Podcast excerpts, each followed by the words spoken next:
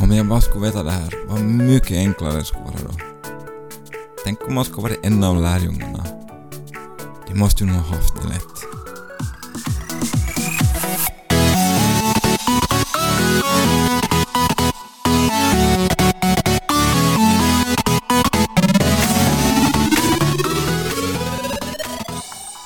Hej och välkommen till ännu ett poddavsnitt och eh, speciellt varmt välkommen tillbaka får vi väl säga. En riktig comeback idag med Jan Gustav Björk tillbaka med podden. Tack. Du klarade dig bra i Israel och klarade dig undan Jerusalems syndrom och så vidare. Ja, och du lärde ju mig vad Jerusalems syndrom var, att man blir liksom där lite halvvrickad och sådär. Lite galen blev jag nog på systemet i Israel många gånger att eh, det var oerhört svårt ibland för saker och ting gjorda att få ut en bil eller och sådär. Så att... Mm.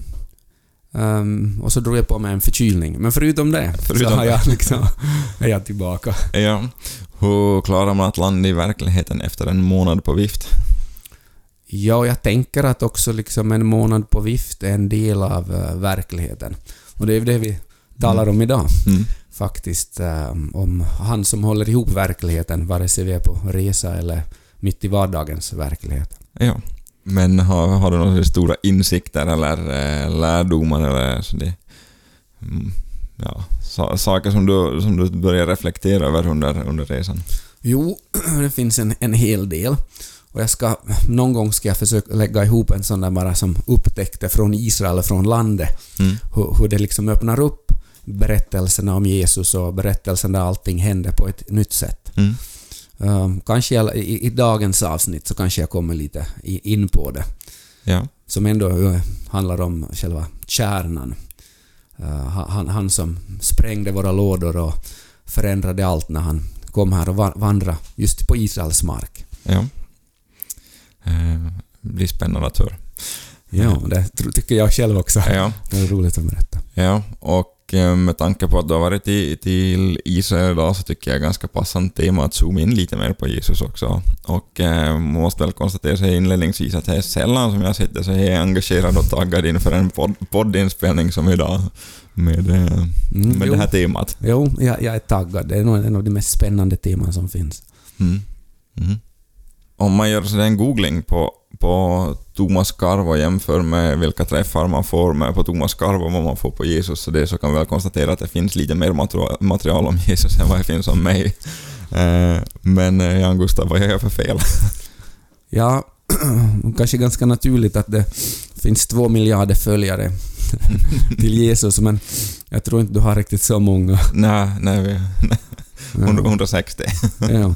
Och visst är du en fascinerande äh, vän, Thomas, och en fascinerande person. Så jag är väldigt tacksam för att du finns en, en, en del av mitt liv. Men äh, du har inte liksom sprängt min låda och du är inte den som jag ständigt blir fascinerad över. Och sådär. Men det däremot, det blir jag över, av Jesus och det hoppas jag vi ska få landa i, i idag. Mm. Ja, för att det kommer tillbaka till, till dagens tema då. Eh, Jesus har inte alla svaren med ett utropstecken till och med. Jan Gustav, hur har vi tänkt nu?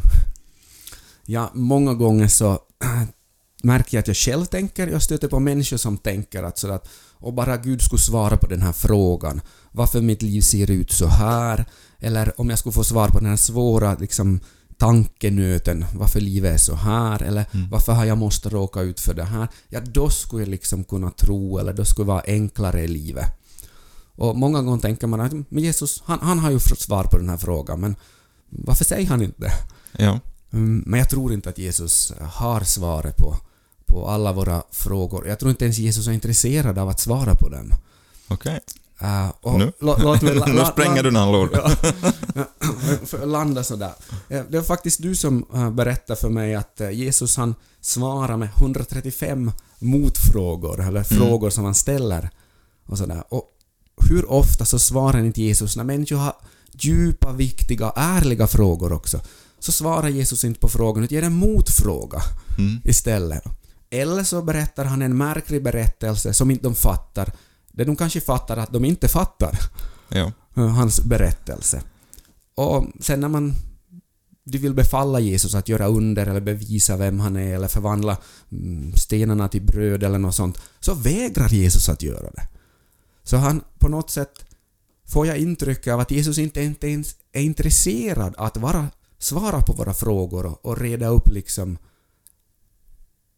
men däremot verkar han vara nog väldigt fasciner- intresserad av oss och våra liv. Mm. Men inte just att ge det här svaret på våra Nej. frågor. Han blir lite så det är som en, eh, mer som en godisautomat för oss. Att vi vill ha, vi vill ha det här och det här det och är det en bra bild. Mm. Eller den handen i lampan som vi... Ja. Nu har jag tre önskningar att svara på dem. Sådär. Och Jesus ställer inte upp någon gång verkar han ställa upp på de här våra villkor eller liksom våra krav eller sådär. Mm. En fascinerande story är liksom det här när, när Jesus äh, har förvandlat äh, um, några fiskar och bröd så det har räckt till 20 000 människor och människorna söker efter honom. Och Johannes evangeliet kapitel 6 så säger då Jesus att ja, ni söker mig inte för att ni har fått sitt tecken utan för att ni har fått mat. Sök istället den mat som Gud ger och som består. Och så fortsätter han. Jag är just den maten som består. Jag är livets bröd som har kommit ner från himlen. Och folket invänder då helt logiskt, vilket jag också skulle ha gjort, att men du är Josefs son, inte du från himlen. Hallå, jag, jag vet vem du är. Och så svarar Jesus då att jo, men brödet som jag ger, det är min kropp. Och äter ni inte min kropp så äger ni inte livet. Och då tror jag att jag skulle ha reagerat precis som Johannes återger att människorna reagerar. De säger i vers 60 då, i kapitel 6. Det här är outhärdligt. Det här står vi inte ut med. Mm. Och så ställer Jesus då lärjungarna frågan. Okej lärjungar, det är vers 67. Inte vill väl ni också ge er iväg? Och, och, och lärjungarna svarar liksom att vart ska vi gå? Mm. Vi vet inte vad du gör. Vi har ingen aning vad du sysslar med nu Jesus. Du är inte som vi trodde. Du är inte som kung David som stred mot Goliat och mot Mm. fienden. Och inte vet vi vad du gör. Men så säger Petrus, men vi har förstått att du är Guds helige. Alltså, vi har förtroende för dig. Du har inte svarat på våra frågor. Vi har inte en aning om egentligen vad du gör. Men för dig Jesus har vi förtroende. Mm. Du har liksom sprängt eh, vår låda. Du har liksom tagit oss med storm. Eh, så vi har ingen annanstans att gå. Och så tror jag också att jag hoppas att jag också ska stanna kvar där Ja, och, och, och sett det här som fanns hos Jesus ja. och inte dragit mig undan för att jag inte fick svar på mina frågor. Eller att det blev liksom helt enkelt för, för, för stort för min hjärna för att greppa vad Jesus säger. Hur tänker du kring det? För jag reflekterar över att vi många gånger så skapar en sån där glansbilds Jesus. eh, Att han är snäll och han höjer inte rösten och ska aldrig kritisera eller ifrågasätta någon. Och, Eh, lite så feg om jäkel nästan. och eh, jag märker nog så många gånger med mig själv också att det här faller jag lite in i den här bilden att ja, men så det var Jesus. Men eh, om man tänker efter, det stämmer ju inte. Utan tvärtom tycker jag nästan att han var, visade ganska starka känslor och mycket känslor och eh, slängde ut folk ur, ur det här synagogan, eh, marknaden och så vidare. Eh, vad tänker du om det här? Har du, har, stöter du också på glansbilds-Jesus? Jo, det gör jag. Jag har ju en sån eh, bild som jag tyvärr eh, ibland dyker upp och sådär. Det gör att han blir ganska oattraktiv Jesus när glansbilds-Jesus dyker upp och, och Mm. i varje fall ganska långt borta från mitt liv och sådär. Um, men det här hjälpte mig faktiskt vistelsen i Israel så um, judar som är födda i Israel så, be, så betecknas allmänt idag som jag tror det med en frukt, jag tror det är sabrasfrukten den heter. Okej. Nu är jag lite osäker, jag måste kolla upp det där. Ja. Får vi rätta oss sen Ja. fel. Men den frukten är lite taggig, den är sån här kaktusfrukt. Ja. Och, men den är som god och, och, och mör på insidan.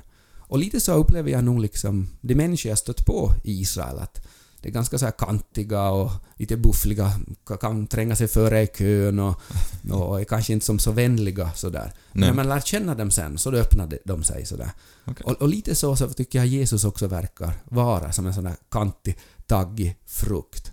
Att när, eh, ja, vi var ju redan in på alla de frågorna som han Mm. vägrat svara på. Mm. Men sen också när han um, sättet hur han behandlar äh, människor. Speciellt då sådana som du och jag, Thomas. Ja. Sådana som på något sätt är religiösa ledare. Vi får ju så oerhört mycket stryk av Jesus. Ja. Om vi ska vara där. Att han, han inte, verkar ju inte vara ute för att göra vänner, Jesus. Utan mera på något sätt ha en passion för det som är sant och rätt och, och verkar borra in i människornas hjärtan och se vad som finns där. Mm. Så säger också Johannes i början i, i evangeliet att han visste av sig själv vad som fanns i människan. Och Mm. Jesus verkar på något sätt skanna in och avslöja oss människor. Mm. Och, och, och det är jobbigt. Och människor blir ju arga på Jesus. För när, han- när han skannar in och, och sådär så säger han ni är hycklare. Eller, Ja. ni lägger tunga bördor på människor men hjälper inte några no människor. Ni är som såna här huggormsyngel, ni är vitkalkade gravar, man trampar på dem och blir som oren och sådär. Och, och folk blir ju förolämpade Ja. och sårade Ja. av det Jesus sa. Men eh, antirättavisar ju människor så som du var inne på. Men, men då kan man ju också komma in på, som står i Johannes 8 och 6, där, där det handlar om den här äktenskapsbryterskan som ska, eh, ska bli stenad och han säger att ni som är syndfria ska kasta första stenen. Ja. Eh, men, eh, och jag tror ju att många slutar läsa för att fortsätter man läsa någon vers till så, det, så säger han ju också att gå nu och synda inte mer. Men, eh, men vid det här stället så visar han ju, åt den här personen så visar han ganska stor empati också, försvarar personen från den här stora massan. Och, eh, men jag tänker nu, jag håller, jag håller ju med om att det här tillrättavisningen är ju kanske någonting som vi kristna behöver tänka på att, att eh, göra åt varandra. För att jag, jag, jag vill nästan jag brukar säga att jag brukar sticka ut näsan med det varje, varje gång, men jag menar med Hakon och säga att, att eh, kanske till och med att det mest kärlekslösa man kan göra är att inte tillrättavisa någon som är på fel väg. Eh, eller? Vad tänker du kring? Så verkar, tror jag, tycker jag Jesus har tänkt. Ja. Att det var, det var på något sätt att eftersom jag bryr mig om den här människan så då... Um, och om Bibeln säger att Jesus inte syndade, så om Jesus inte syndade när han var så här hård mot religiösa ledare, så måste det ju vara det att han helt enkelt såg och brydde sig om de här människorna, skannade vad som fanns där. Och ibland verkar han tycka att nu måste han slå mig riktigt med hammare och, och hårt för att komma åt det här hårda skalet som människor kan skydda sig och tyvärr är det ju så att religion kan ju vara väldigt jobbig försvarsmekanism för att skydda sig mot Gud. Också vi kristna verkar ibland, tycker jag, ha sådär att vi har på något slags religiöst system eller vi har våra formler på något sätt för att skydda oss mot Gud, att Gud inte ska få komma för nära. Vi vill kontrollera honom, ha honom i en Ja. box. Och jag tänker det är det Jesus gör, gör när han ger sig på fariseerna och de skriftlärda. Att han, de har som fångat Gud och stängt in honom och, och där vill ju inte Gud vara. Han vill vara mitt i livet, i våra liv, vara livets herre och då hackar Jesus hårt. Mm. Och det, det är jobbigt när man hack, hack, hackar på en. Men samtidigt så upplever jag nog att, att Jesus är väldigt äh, äh, omtänksam. Mm. Att, att, äh, det är förstås, ser man inte också den här omtänksamma biten hos Jesus så blir ju Jesus en slags hård, tyrannisk, jobbig typ. Ja. Sådär. Men han är så oerhört, som du berättade tog fram den här storyn om den här synderskan som skulle stenas. Ja. Det kommer ju fram så många gånger också, den sidan. Hur Jesus är liksom, just med dem som har farit illa av livet så han är oerhört um, tillmötesgående, förstår. Um, Ja. han, han går ju så långt så att han går åt andra hållet nästan. Han blir anklagad att vara syndare själv, att han är, umgås och festar med fel människor, blir anklagad för att vara Mm. frossare och drinkare och... Um, så långt går han Mm. för, för att liksom möta oss där vi är. Men samtidigt säger han ju nog åt den här personen också att gör inte så det mer, att det här var inte bra men... Jo. Men den, han verkar göra det i rätt tid på något sätt. Ja. Han säger inte det första han säger åt den här som har strulat till livet. Hallå! Gör inte det här några fler gånger nu. Nej. Utan det är på något sätt när hon är redo för det, när han försvarar henne mot alla andra, skyddar henne, räddar hennes liv. Sen säger han att det liv som du lever, det, det, det förstör någonting av det goda Gud vill. Mm. Fortsätt inte den vägen. Mm. Och så var det också med tullendrivaren Matteus, tullendrivaren Sackeus. Där mötte ju inte Jesus den först med att ”Hallå, allt ni har stulit pengar, ge det tillbaka”. Det var mer Johannes döparen. Han var ju så hård direkt tyckte jag. Ja. Men Jesus verkar ju inte där utan han ”Hej, jag ska komma och festa och jag ska gästa ditt hem”. Ja. Vilket var en oerhörd liksom, gest på den tiden. Det betyder att jag accepterar Ja. dig helt och fullt ut. Jag, jag delar ditt liv, dina livsvillkor Ja. genom att äta med dig. Så det var ingen, liksom, ingen liten i gest som Jesus vidare. Nej.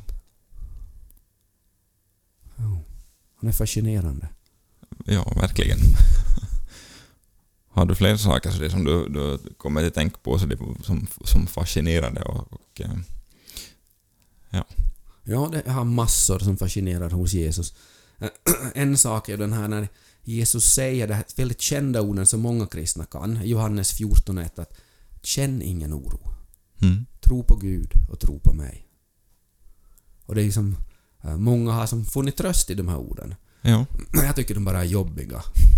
okej. Här kommer Jesus då från, från, från himlen, han vet hur livet är och han säger att Hallå killar och tjejer, jag vet hur läget är, att liksom, det, det är lugnt. Känn ingen oro, tro på Gud liksom. Men hallå! Det är som att han är ovanifrån och bara liksom touchar och berättar på någon slags översittarfasoner. Så här är livet, känn ingen oro. Ja.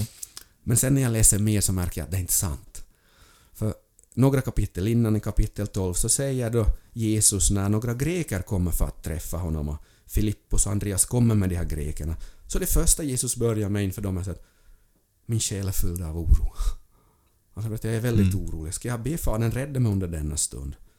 Och så landar Jesus, nej det är för denna stund jag kommit. Och den ähm, kör man lite framåt eh, i evangelieberättelsen så landar vi i Getsemane där Jesus då enligt Lukas så svettas eh, blod. Sån Mm. ångest har han, alltså kapillärerna brister. Så, Mm. så, sån ångest liksom, oro, så, så drev Jesus. Fa- Fanns, fanns hos, hos Jesus. Och så säger han min själ är bedrövad ända till döds, säger han i Matteus. Ah, så det passar går ju inte ihop. Nej. Att Jesus säger känn ingen oro, när han själv håller på på det här och oroar sig otroligt. Ja. Och, och då tänker jag a- att eh, det är det här Jesus menar. Han säger att Hörni, jag vet vad oro och ångest är från insidan. Jag har också våndats och haft den här oron. Men jag har funnit en väg framåt. Och det heter att överlämna sig åt Faderns vilja. Lita på Faderns omsorg, mitt i all oro. Mm. Därför kan jag säga, tro på Gud. Tro på mig, känn ingen oro. Mm. Och då blir det helt annorlunda. För då liksom kommer Jesus utifrån min oro och alla människors oro och ångest och säger de här orden utifrån att han har upplevt det. Ja. Det blir helt annorlunda betydelse Ja. av de här orden. Det finns en bild som har cir- cirkulerar, eh, kanske flera till och med på sociala medier, med, med jämförelse mellan boss och, och eh, chef. Eh, alltså någon då, och bossen som sitter på en stol och piskar sina arbetare att göra sig och sig och sig. Eh, ni får inte göra så det och så det och så det. Medan eh, chefen så gav först och visar vägen och eh, leder eh, och säger kom med, vi fixar det här. Eh, det är ju också sådär, det blir ju att följa Jesu exempel, så det är praktiken då. Ja, den tycker jag är en bra bild Mm. som beskriver vad Jesus gör. Fast jag tycker nästan vi gör ännu bilden ännu mer så att han inte går före bara utan han går med. Mm. Att han mitt i det här liksom träsket Mm. eller vad livet är och sådär. Mm. Och, och, den Jesus är ju, är ju det som jag möter i eh, evangelieberättelserna. Ja.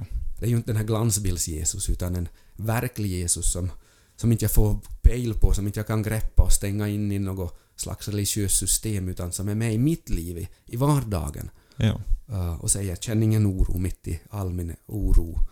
Som eh, inte ger svar på mina frågor men själv inbjuder mig att leva med honom Ja. och på något sätt upptäcka livet med honom.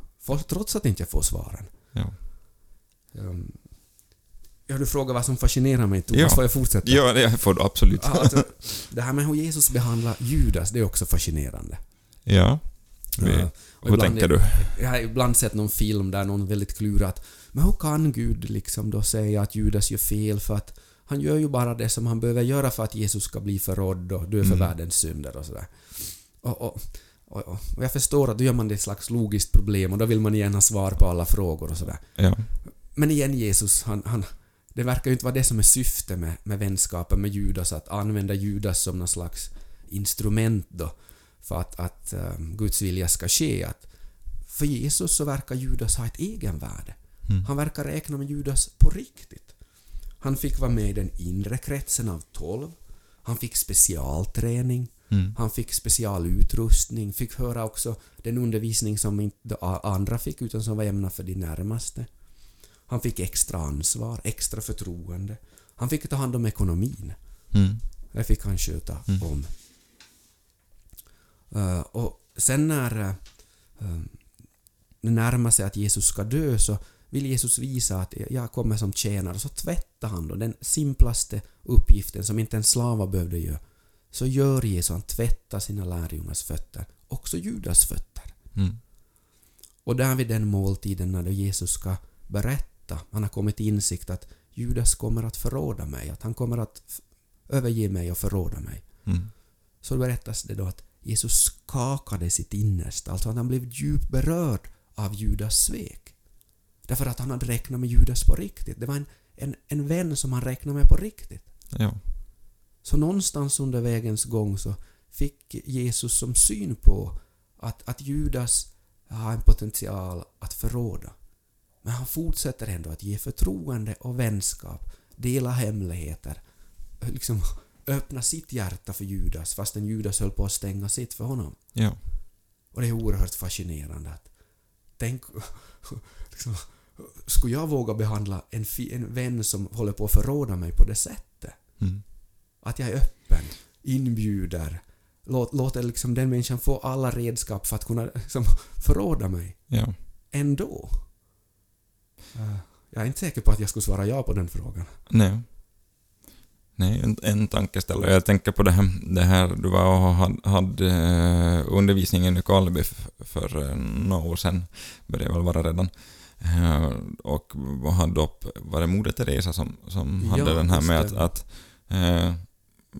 en massa sådana här liknande påståenden, men- det sånt eh, tar många år att bygga upp så går snabbt att riva ner byggen då. Att det är lite den, den så det är samma tanke kring det som det här med att eh, med, kring vänskap och som, som, eh, som du berättade med Jesus och synen på. Judas. Ja. Ja.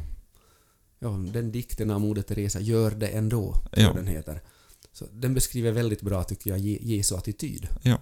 Att eh, hans attityd är inte beroende av på något sätt eh, vad vi gör med det sen, utan han, han är ändå generös. Ja. Ja, och på tal om generös så finns ju den här fantastiska storyn. Jag undrar om vi har berättat den här i podden. Och Jesu, Jesu första under enligt Johannes evangeliet. Har vi berättat den här i podden? När jag har vatten till vin. Jag, jag minns inte. Ja, Min, minnesviket ta en gång till ifall. Okej, den är oerhört fascinerande också. Här, eh, Jesus har börjat undervisa, han har samlat lite lärjungar och han har bjudit till en fest. Kanske eh, det var en 500 personer, det är ju stora bröllopsfester som man har i den kulturen. Ja, Eh, En vän har varit på en sån bröllopsfest faktiskt i Israel okej. och berättat lite om den. Och de dansar och de har liksom bjudit massor med människor och grannar och släkt och vänner och sådär. Ja. Och, och, och då är det en fattig familj som, som vill göra på rätta sättet. Man måste ha en sån här fest. Ja. Sociala förpliktelserna är såna att man Ja. ska ha en sån fest, bjuder till en fest, men de är så fattiga så de chansar att, att vinet ska räcka, men det gör inte det. Ta mitt i festen så tar vinet slut. Ja. Och vinet var ju en symbol för glädje och symbol för, för liksom... eh, ja, det, det är någonting som man måste ha helt enkelt. Ja. Måltidsdricka. Det är ungefär som att maten skulle ta slut mitt under en bröllopsfest så hälften av gästerna inte får någon mat. Ja. Det är en katastrof, social katastrof. och, där. och, och, där så kommer Jesu mamma då som och, pushar Jesus och säger att "Hej, hallå Jesus, att de har ingen vin. Mm. Och Jesus är ganska barsk där och säger låt mig vara nu, eh, eh, liksom, kvinna, att det är inte min tid ännu. Och Jesus säger att det är inte tid ännu för mig att visa vem jag är. Mm. Men då tjatar Jesu mamma på Jesus och säger att, men, och, och säger hon till de här tjänarna, gör nu vad hen säger åt er. Mm. Så hon tvingar honom nästan att, men, än vad han gör. Och då säger han då till de här tjänarna att ös upp de här sto, sex stora, eh, stora krukorna med, med vatten och bär dem till, till världen då. Mm. Och de gör det. Och det har blivit till vin. Eh, och då tänker jag så att trots att det inte är tid för bönesvar, Mm. Jesus säger nej, det är inte tid ännu, så svarar han på bönen ändå. Alltså vilken generositet Mm. när du och jag kämpar med någonting i livet och funderar nu behöver vi Guds hjälp här. Mm. Och, och, och kanske upplever, funderar, vill Gud svara nu? Är det tid för Gud att svara?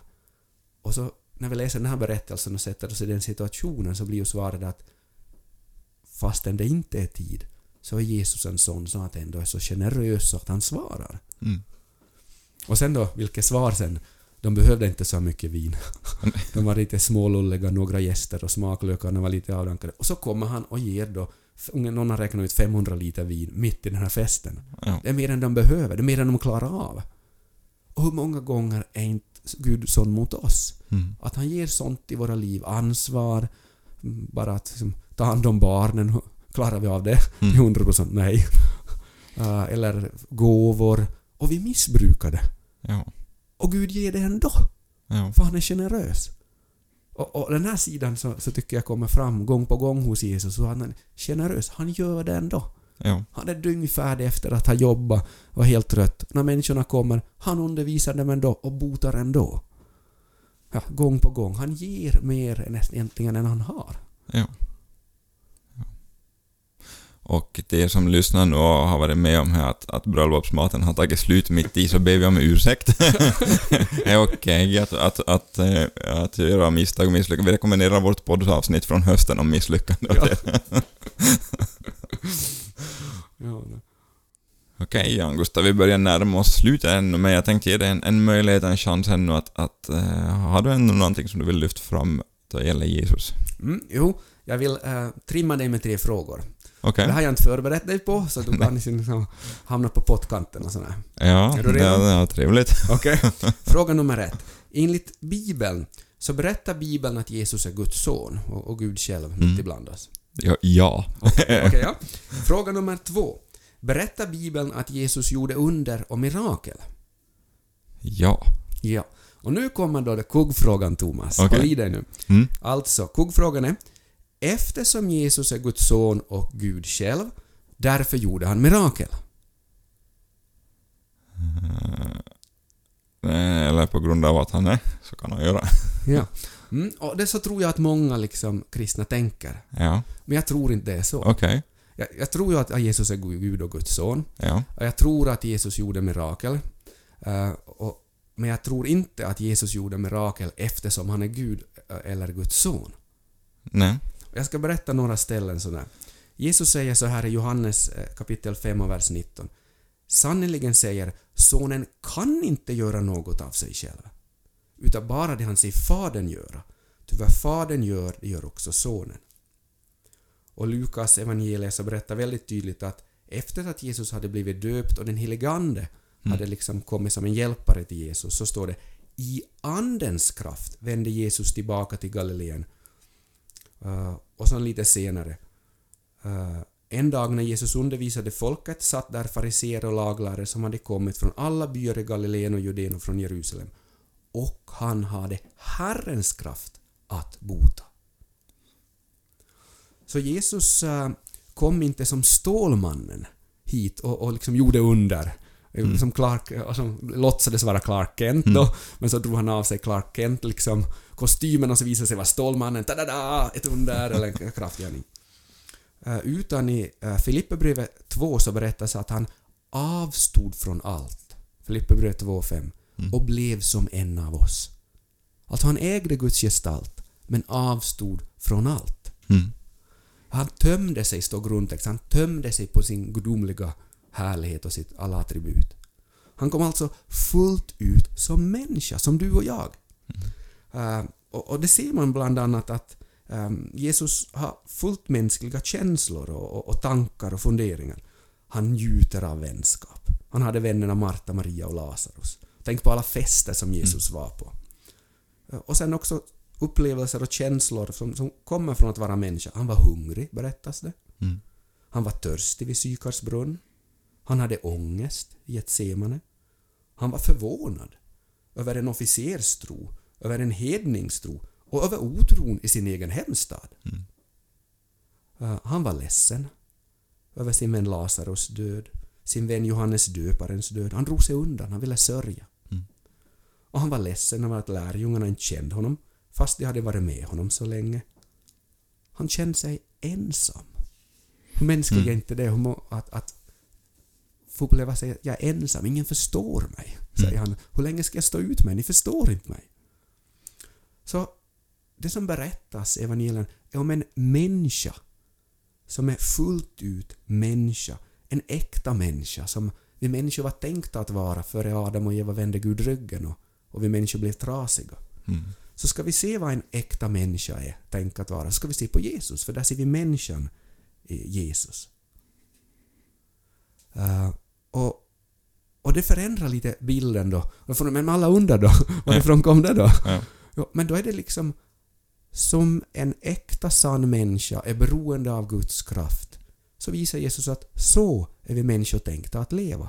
Beroende av Gud i alltihopa och beroende av hans hjälp. Så när vi ser helt enkelt hur mycket Gud hjälpte sin son Jesus med olika sätt, naturligt och övernaturligt, Ja. så är det äntligen det är en berättelse som berättar så mycket vill Gud hjälpa oss. Vi som också är hans äh, söner och döttrar genom vad Jesus har gjort. Ja. Så det, liksom, det spränger helt enkelt wow! Ja. Så mycket är Gud där för oss. Och så sant mänsklig är Jesus. Han trollade aldrig. Han var he- helt och hållet som du och jag, in i samma liksom soppa. ja. Det var ju det som jag menar också. Ja. Nu börjar vi komma in på rätt och, svar, rätt och fel svar och Ja. vad fariséerna cyklar att jo, jo, jo. jo. Men, men jag tycker det är fascinerande. Mm. Absolut. Ja. Så, så det är som ganska praktiskt också från det att när när ehm, du upplever att Gud inte bryr sig eller man kämpar i i en kamp i livet där man inte vet var är Gud i det här med mina frågor. Mm. Så landa då hos, hos Jesus i hur eh, han levde livet och, och kämpade livet. Och, och, och han säger till dig kom och följ mig. Ja. Så svaret är liksom inte svaret på frågorna eller, eller något trolleritricks eller quick fix av Gud, utan svaret är Se, där är min son Jesus. Följ honom. Han är liksom vägvisaren genom livets alla eh, korridorer och irrgångar och. Ja. Ja. Thomas. Ehm, nu när vi har hållit på så här mycket om, om Jesus och uh, och, och fascination över honom. Va, vad betyder det här i praktiken då? Har du några praktiska tips? Praktiskt tips? Ja. Absolut. Jag har ett helt suveränt praktiskt tips med det. Okej, låt höra. Läs Bibeln. Och det har du och eh, Jim hållit Mm. på med när jag har varit i Israel. Mm. Precis. Ja, ja. Ja. Mm. Viktigaste tipset. Ja. Och, och, och därför att göra det, liksom, det tipset väldigt praktiskt Mm. Så, så, så det behöver ju vara som levande berättelser om Jesus. Ibland när jag läser Bibeln så blir Jesus platt. Liksom, han lever inte. Bara jag har hört de storyna så många gånger. Ja. Men, Men- han vill ju liksom stiga ut ur sidan och leva i vårt liv. ja, men hur lyckas man med det då? Eh, det är en utmaning ibland. Mm. Därför att vi blir van med de här storyna. Och, och, liksom lyssnar inte på dem längre. Vi vet hur de ska sluta. Ja. Eh, ett sätt är att eh, när man läser e- e- en berättelse om Jesus, ett avsnitt, så sen skriva ner i ett häfte eller en, en dagbok som man har, skriva ner Jesus gjorde, Jesus sa. Så här tänkte Jesus om sig själv. Jesus verkar uppfatta att. Och så också motsatsen, Jesus verkar inte tänka att. Mm. Eh, Jesus verkar inte vara rädd för motstånd eller Jesus eh, sa inte det här. Och det är väldigt idiotisk metod egentligen. Ja. Sån här småbarnspedagogik. Men bara att formulera själv de här orden.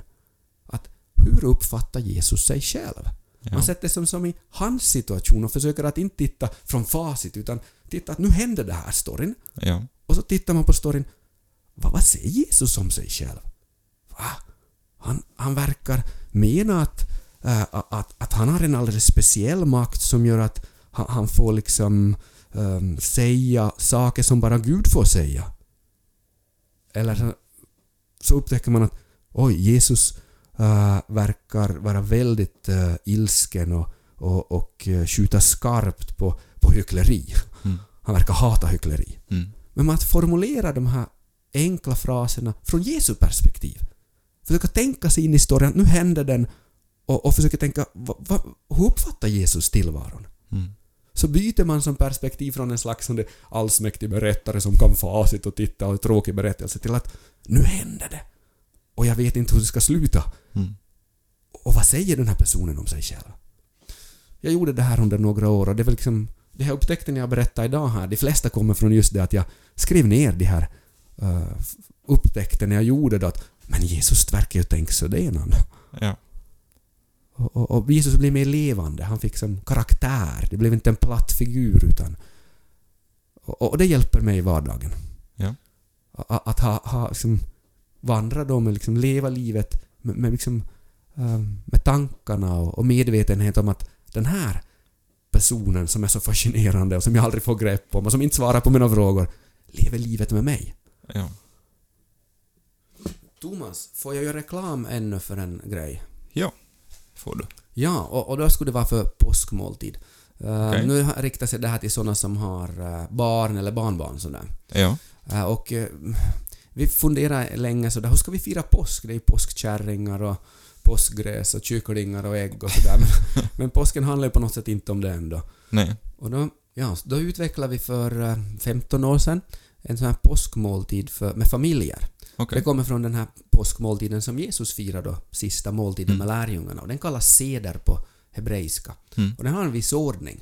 Och det var den som Jesus firade då. Ja. Och då har vi tagit den och, och, och, och låtit barnen göra massa såna här praktiska moment. Att måla med vattenfärg på dörrposterna eh, där hemma som en symbol för påskalammet, som blodet som ströks vid påsken på dörren Ja. dörrposterna.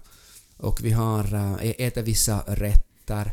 Äh, vi har en penningpung på bordet med 30 silvermynt Mm. som ju var priset som Judas fick för, för Jesus. Mm. Äh, tvätta fötterna på någon i, i hemmet sådär. Som Jesus gjorde den här måltiden. Mm. Berättar hur Jesus som tog det här bägaren med, med vin och, och bröd och, och förvandlade det och instiftade då som nattvarden. Alla de här berättelserna så gör vi, försöker göra så praktiskt som möjligt. Okej. Och, så att barnen får göra. Inte Ja. liksom en massa religiösa tankar de ska höra på, utan de får göra. Ja. Och det här blev en tradition som vi har firat nu ganska länge och också ett antal andra familjer har börjat fira det. Ja. Just en här påskmåltid som är då en mera kristen variant av en sån där Ja. som Jesus gjorde. Och det firar vi på skärtorsdagskvällen. Så det var tipset om att det, det har varit värdefullt för oss. Intressant. Finns det material? Ja, det finns. Mm. Jag har en på hemsidan vardagstro.com Mm. Så där finns liksom i, i fl- flöde där hur Jonas och Malena Löfqvist, Ja. en artikel som gjordes för något år sedan, de firade också. Så finns en intervju med dem, som man Ja. får titta. Och där finns också länkar till som den här, en manual Ja. som är utvecklad. Försöker göra det så enkelt som möjligt så att om man är ny och vill göra så, gör så här. Ja. Plocka fram det här. Mm, gör så här med barnen. Så lite tips och idéer hur man kan göra. Bra tips. Ja. Så kanske något för familjen Karf till påsk. Ja, mitt i allt. Du sa för far, far och morföräldrar, så är ett tips åt er som lyssnar nu. Ja. ja. Och lära dig Thomas. Ja. Påskmåltidens Ja, mysterium. Påskens Ja. händelser. Det Ja. kan jag behöva lära mig mer om. ja. Häftigt. Men eh, nu börjar det vara dags att avrunda, Gustav. Oj. Men, eh, men jag Det är så tror... här när man kommer in på någonting som man brinner för. Men förhoppningsvis så kan vi väl komma tillbaka till Jesus i de här poddarna. Ja, jag har hur många storyn som helst att berätta. Ja, förhoppningsvis glömmer vi han inte i något avsnitt. Ja. Alltid finns med. Ja.